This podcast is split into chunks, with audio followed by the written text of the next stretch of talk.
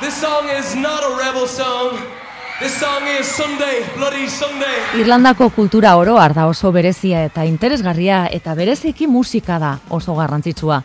Mende luzeetan entretenitzeko modu bakarretakoa izan zuten, pabetan elkartzen ziren, historioak kontatu eta musika entzuteko, eta zentzu honetan gauzak ez dira. Asko aldatu, musika Irlandako bizitzaren zati garrantzitsua da. Mila bederatzion eta laurogeita emezortziko apiliaren amar, Ipar Irlandaren historian egunik historikoenetako bat izan zen, Ostiral Santuko akordioa sinatu zen Belfasten, gero erreferendum bidez herritarrek maiatzean berretxiko zutena. Ba aurretik kontzertu bat antolatu zuen ubi taldeko bonok baiezkoaren alde. Dublingo laukotea punta-puntan zegoen eta azten ari zen Ipar Irlandako bandagazte bat gonbidatu zuten. Eta jaialdi hark munduari huelta eman zion argazki bat utziko zuen. Bono abeslaria besoak altxata lider unionistaren eta lider nazionalistaren eskutik. YouTube munduko talderik handiena da askorentzat, Irlandako ezagunena dudari gabe, norkeztu ezagutzen, ba, eurekin batera, rock irlandarraren pioneroak izango ditugu gaur, Van Morrison dem taldearekin, Rory Gallagher, Phil Lynott edota The Undertones eta guretzat benetako rock izarra den Sinead O'Connor. Ongi etorri.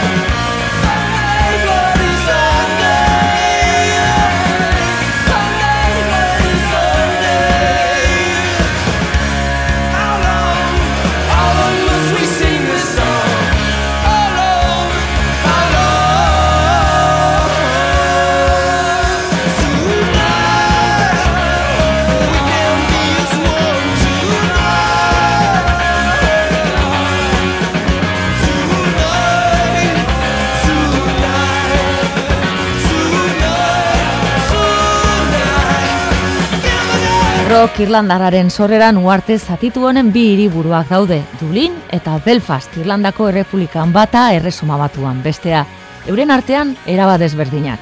Belfast Ameriketara begira, bertako musika nobedade guztiak jasotzen zituen rokanrola barne, Dublin berriz, Eliza Katolikoaren menpe, bertan bakarrik folk musika eta eliz musika entzuten ziren.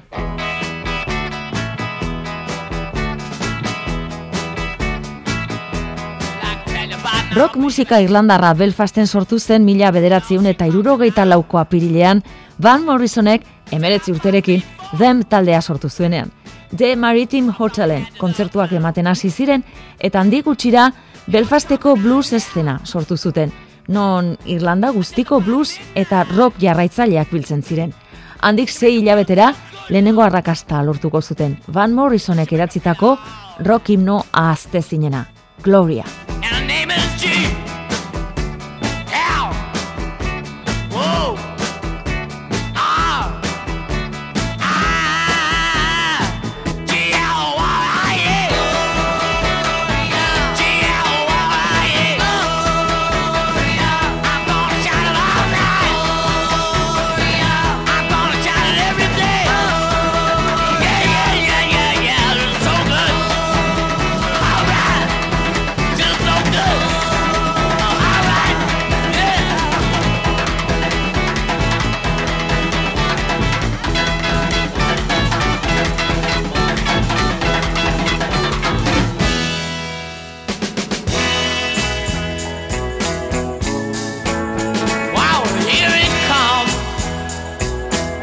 Them izan zen nazioartean arrakasta lortu zuen Irlandako lehen rock taldea, baina He Comes the Night, euren bigarren hitaren ondoren Van Morrisoni Irlandatik alde egiteko gogoa sortu zitzaion eta estatu batuetara jo zuen bakarlari gisa karrera egiteko. I could see right out my window walking down the street my girl with another guy his arms around her like it used to be with me. Oh, it makes me want to die. Yeah, yeah, yeah. Well, here it comes.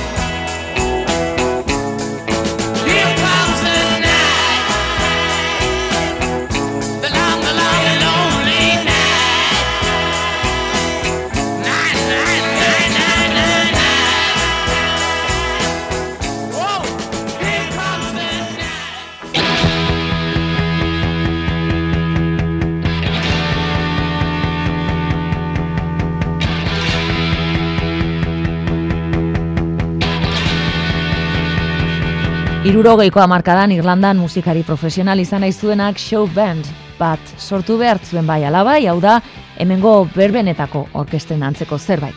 Horrela hasi zen Van Morrison eta baita Korken jaiotako Rory Gallagher.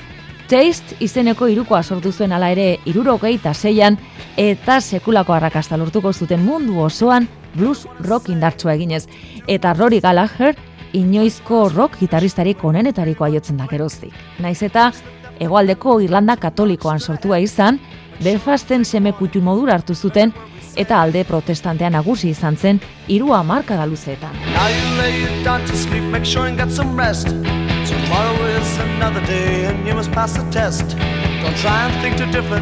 Now what we say is best. Listen, little man, you're no better than the rest.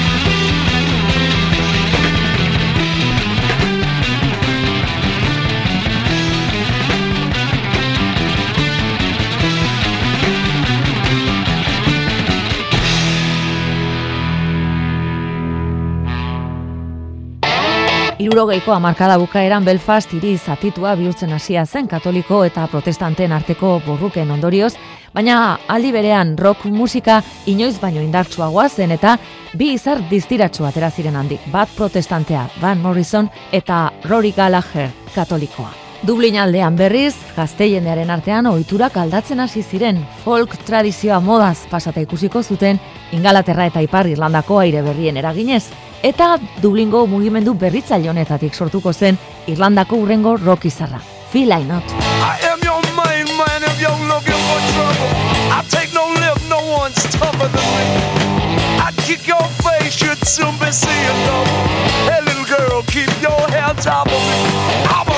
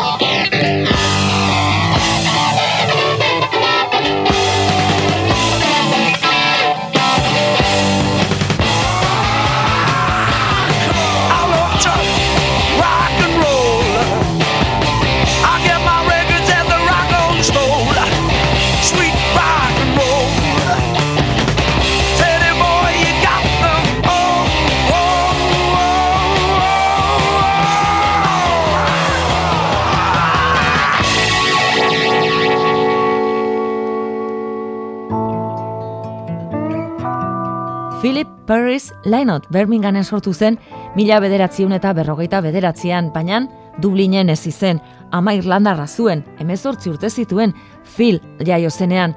Aita Cecil Paris guaian arrazen eta txikiak aste batzuk zituela abandonatu zituen. Phil Lainotek amaren deitura hartu zuen. Irlandako hizkuntza eta tradizioak ikasi zituen eta Dublingo folkiroan abesten hasi zen, baina sustraibeltzak zituen eta rhythm bluesa eta roka oso gogoko zituen. Gainera, oso argi izan zuen beti aberatsa eta famatua izango zela. Gerora gertukoek esan da limusinan joaten zen erosketak egitera. in Dublin, and you in Dublin. Mila bederatziun eta irurogeita bederatzean Phil Lainotek Them taldeko kide zen Eric Bell ezagutu zuen Belfasten. Thin Lizzy sortuko zuten elkarrekin. Londreseko Decca Recordsekin sinatu zuten eta arrakasta lortu zuten berehala Irlandako kanta herrikoia den Whiskey in the Jar honen bersioarekin.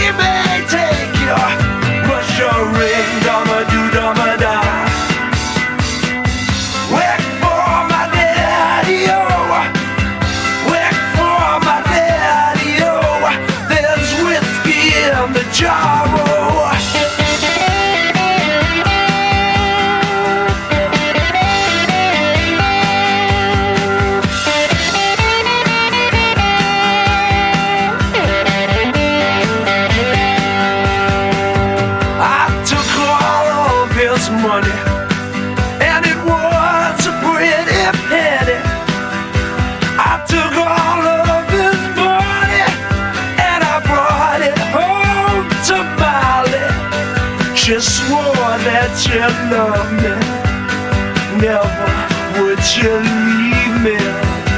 But the devil take that woman. For you know she treat me easy But she ring dumma do dumma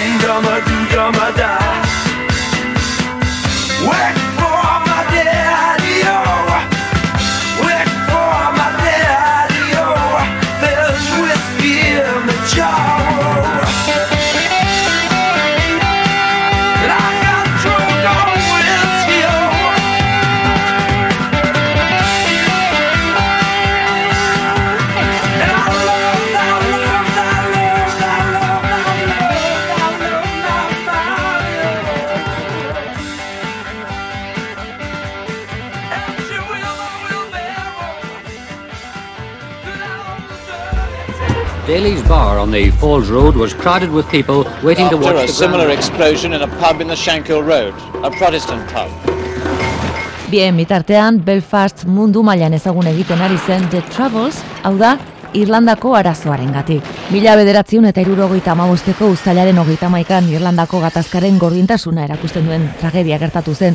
Dantzaldi baten ondoren paramilitarrez jantzitako talde lealista batek The Miami Showband taldeko musikariak tirokatu eta hil zituen. Handik aurrera, bi aldiz pentsatuko zuten bertako naiz nazioarteko taldeek Ipar Irlandara jotzera joan aurretik. Just yesterday morning, to let me know you were gone. Suzanne, the plans they made put an end to you. I walked out this morning, I wrote down this song. Just can't remember who to send it to. I've seen fire, I've seen rain. I've seen sunny days that I thought would never rain. I've seen lonely times when I could not find a friend. But I always thought that I'd see you again.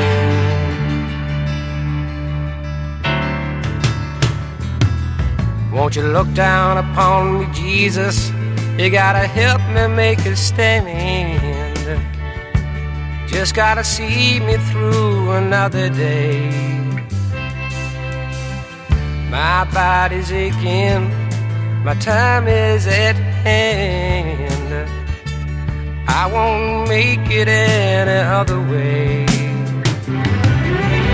Oh, I've seen fire, I've seen rain.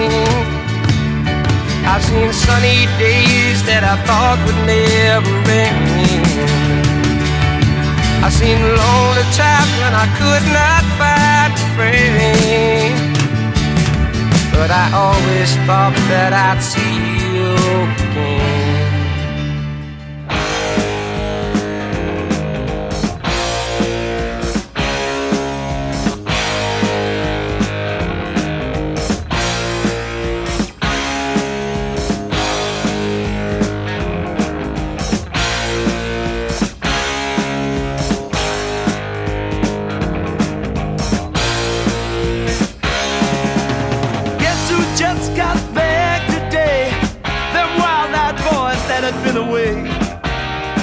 haven't had much to say. But man, I still think them cats are crazy. They were asking if you were around, how you was, where you could be found. I told them you were living downtown, driving all the old men crazy. The boys are back in town, boys are back in town. I said,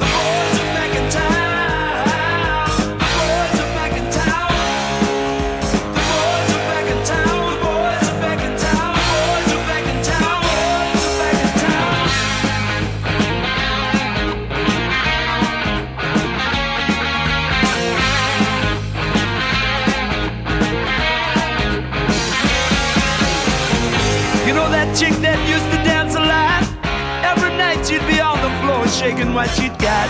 Man, when I tell you she was cool, she was red hot. I mean, she was steaming. And that time over at Johnny's place, well, this chick got up and she slapped Johnny's face. Man, we just fell about the place. If that chick don't wanna know, forget her.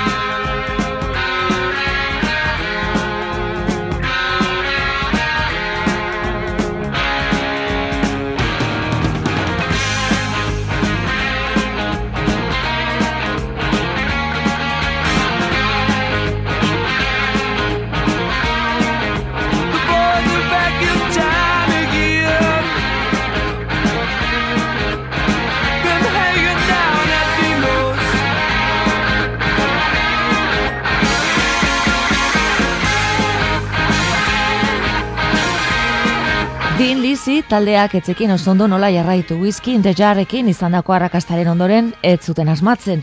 Mila bederatziun eta irurogeita amaseian, The Boys Are Back in Town honekin zerrenda ipar Amerikarretan sartzea lortu zuten arte. Handik aurrera, urrengo disko bakoitzarekin utxe egin gabe, arrakasta handia izan zuten. Esate baterako, mila bederatzion eta irurogeita mazazpien ezagutara eman zuten beste hit erraldoi honekin Dancing in the Moonlight. When I you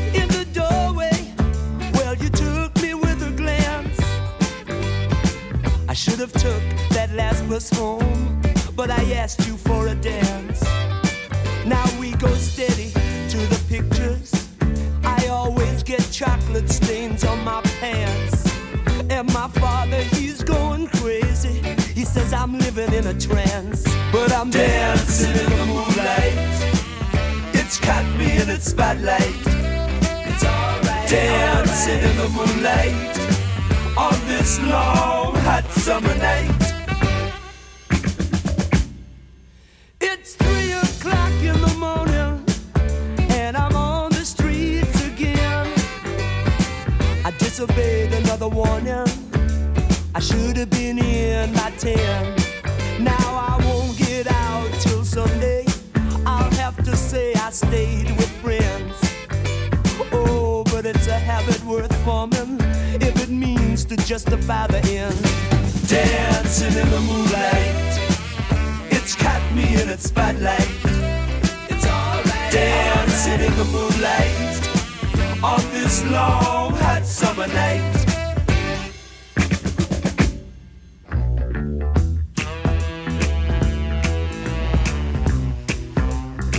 and I'm walking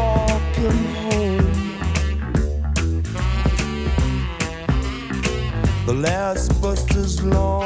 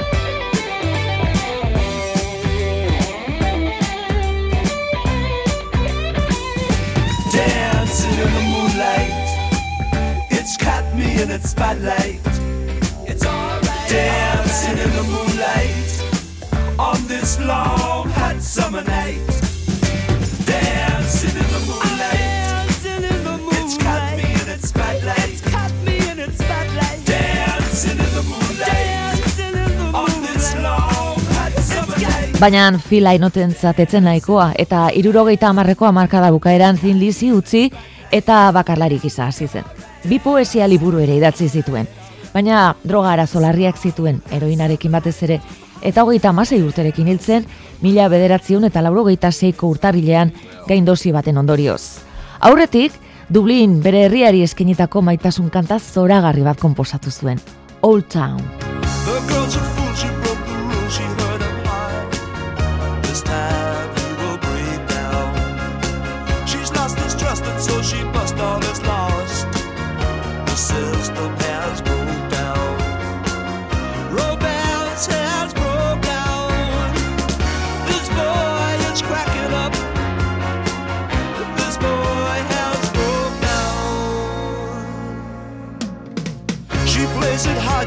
Hard, plays it tough.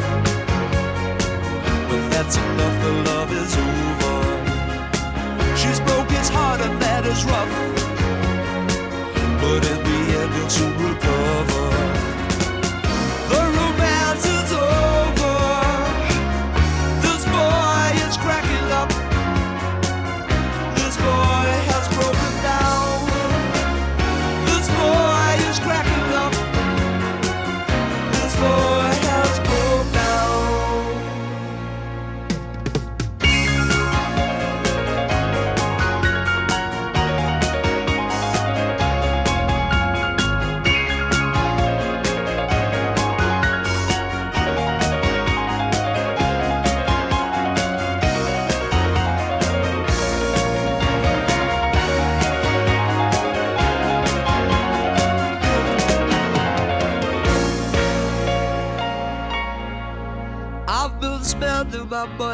in the old town. It's not the same, honey, when you're not around. I've been spending my time in the old town. I sure miss you, honey. Now you're not around. Now you're not around this old town.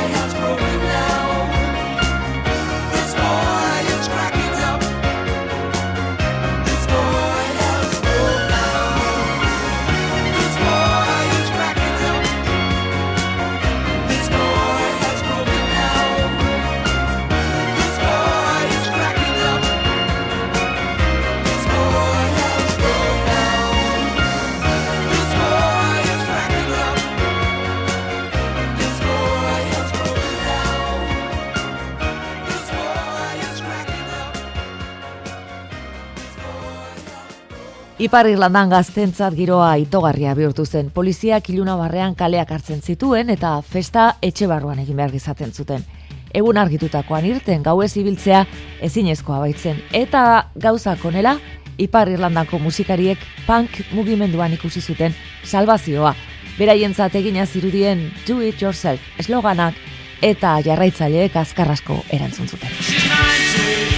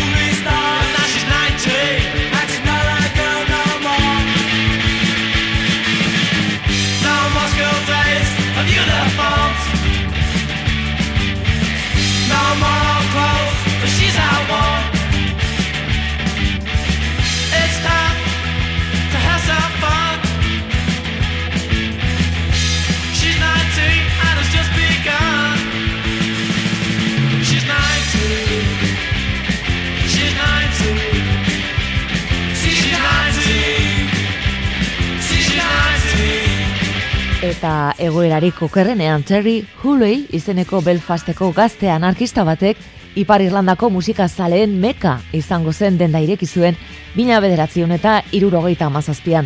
Katoliko eta protestanten arteko zatiketaren erdian Good Vibrations deituko zuen disko denda ireki zuen.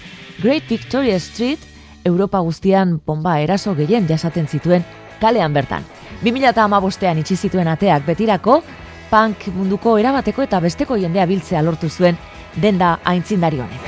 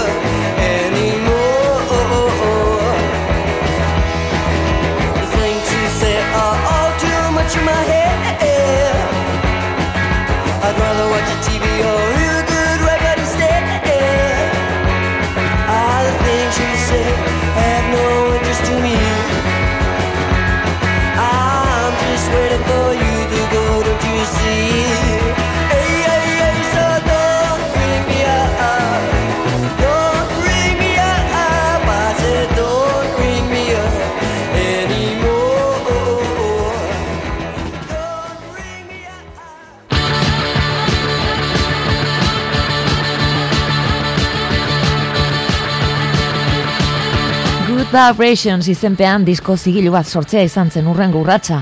Ipar Irlandako talde pankiak grabatu eta ezagutaraztea. Protex, Moondogs, Victim eta beste askoien artean. Azteko, Belfasteko Rudy izeneko banda bat eta Big Time singela izan ziren sonatuenak.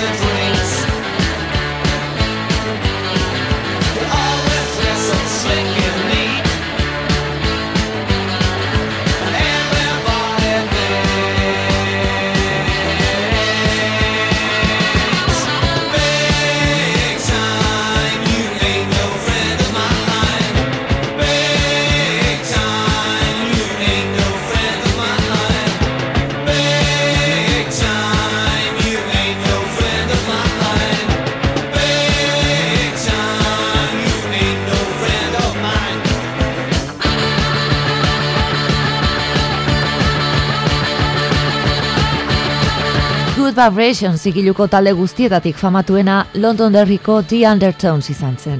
Terry Hulik zalantza egin zuen hasieran ez baitzitzaizkion inori gustatzen, baina halako batean Teenage Kicks grabatu zuten eta Terry berak lagundu zien Londresera promozio egitera. Ez zien inor kasurik egiten, eta azken alegin batean BBC irratiko John Peelen gana jo zuten. Garaiko DJ-rik famatuena zen Peel, eta bere izenean zenbait kopia utzi zituzten. Mila bederatziehun eta irurogeita emezortziko irailaren hogeita bosteko saioan jarri zuen, estreneko aldiz, Teenage Kicks, eta kanta bukatzean berriro jarri zuen. Jarraian, ez zuen sekula horrelakorik egiten bere irratsaioetan.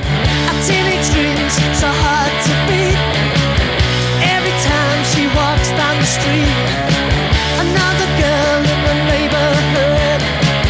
Wish she was mine, she looks so good.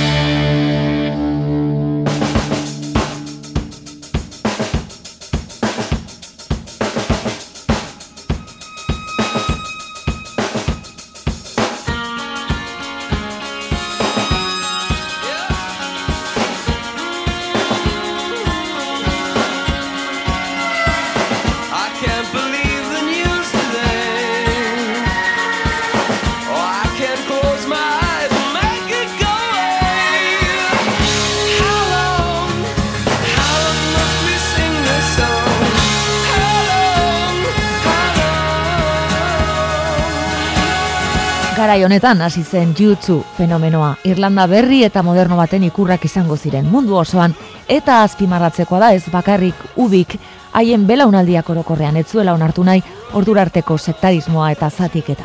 Irlandan beste modu batera bizi nahi zuten. Bono eta bere taldekidea konkretuki Dublingo Mount Temple izeneko eskola berezi batean ikasi zuten. Katoliko zein protestanteak elkarren ondoan eseritzen ziren eta saiakuntza hau oso garrantzitsua izan zen.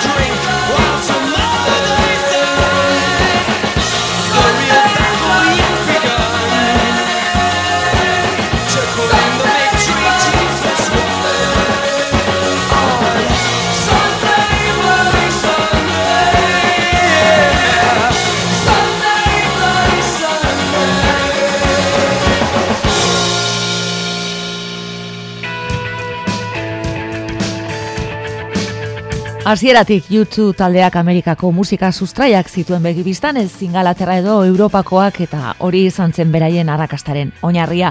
Lehenengo hita, Pride in the Name of Love, Martin Luther Kingeri eskenia izan zen eta kutsu pazifista hori Irlandako arazoa konpontzeko ere baliogarria izan zitekela pentsatu zuten horregatik izan zuten Irlandan bertan ere alako jartzuna.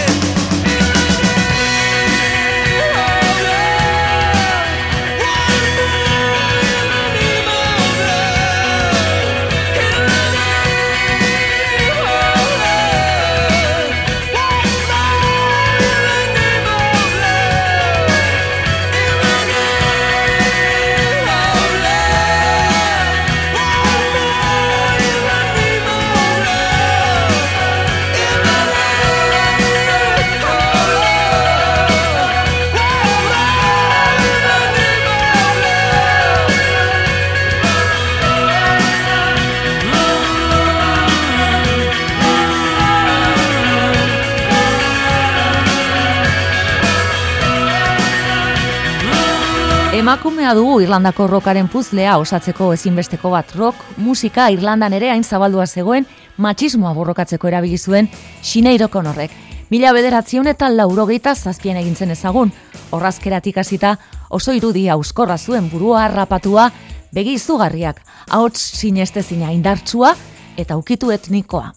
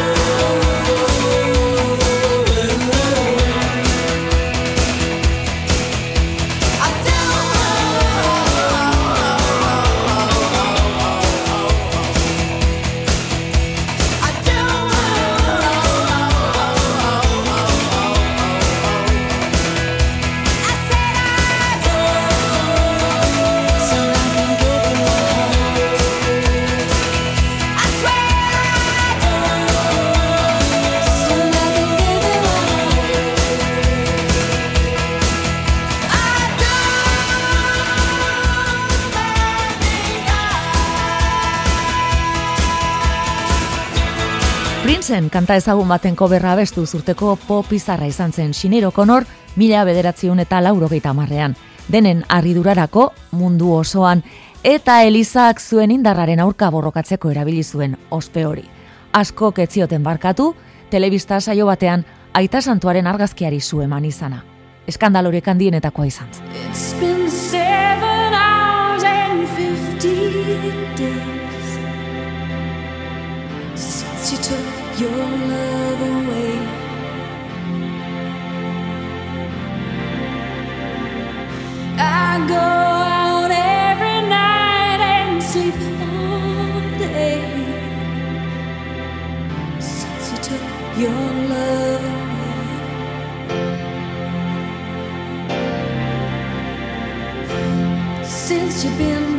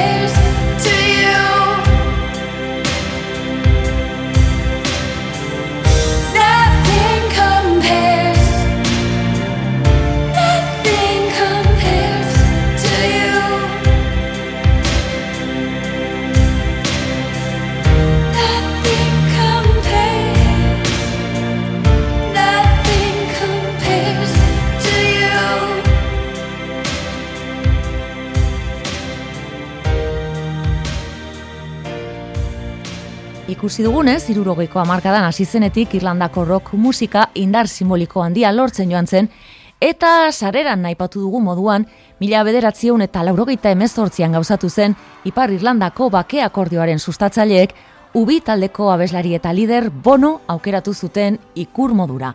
Politikariek Stormonen sinaturiko ituna, herritarrek bozkatu behar zuten, eta baiezkoaren aldekoek kontzertu bat antolatu zuten Belfast bertan, Ash eta U2 igoko ziren taula gainera.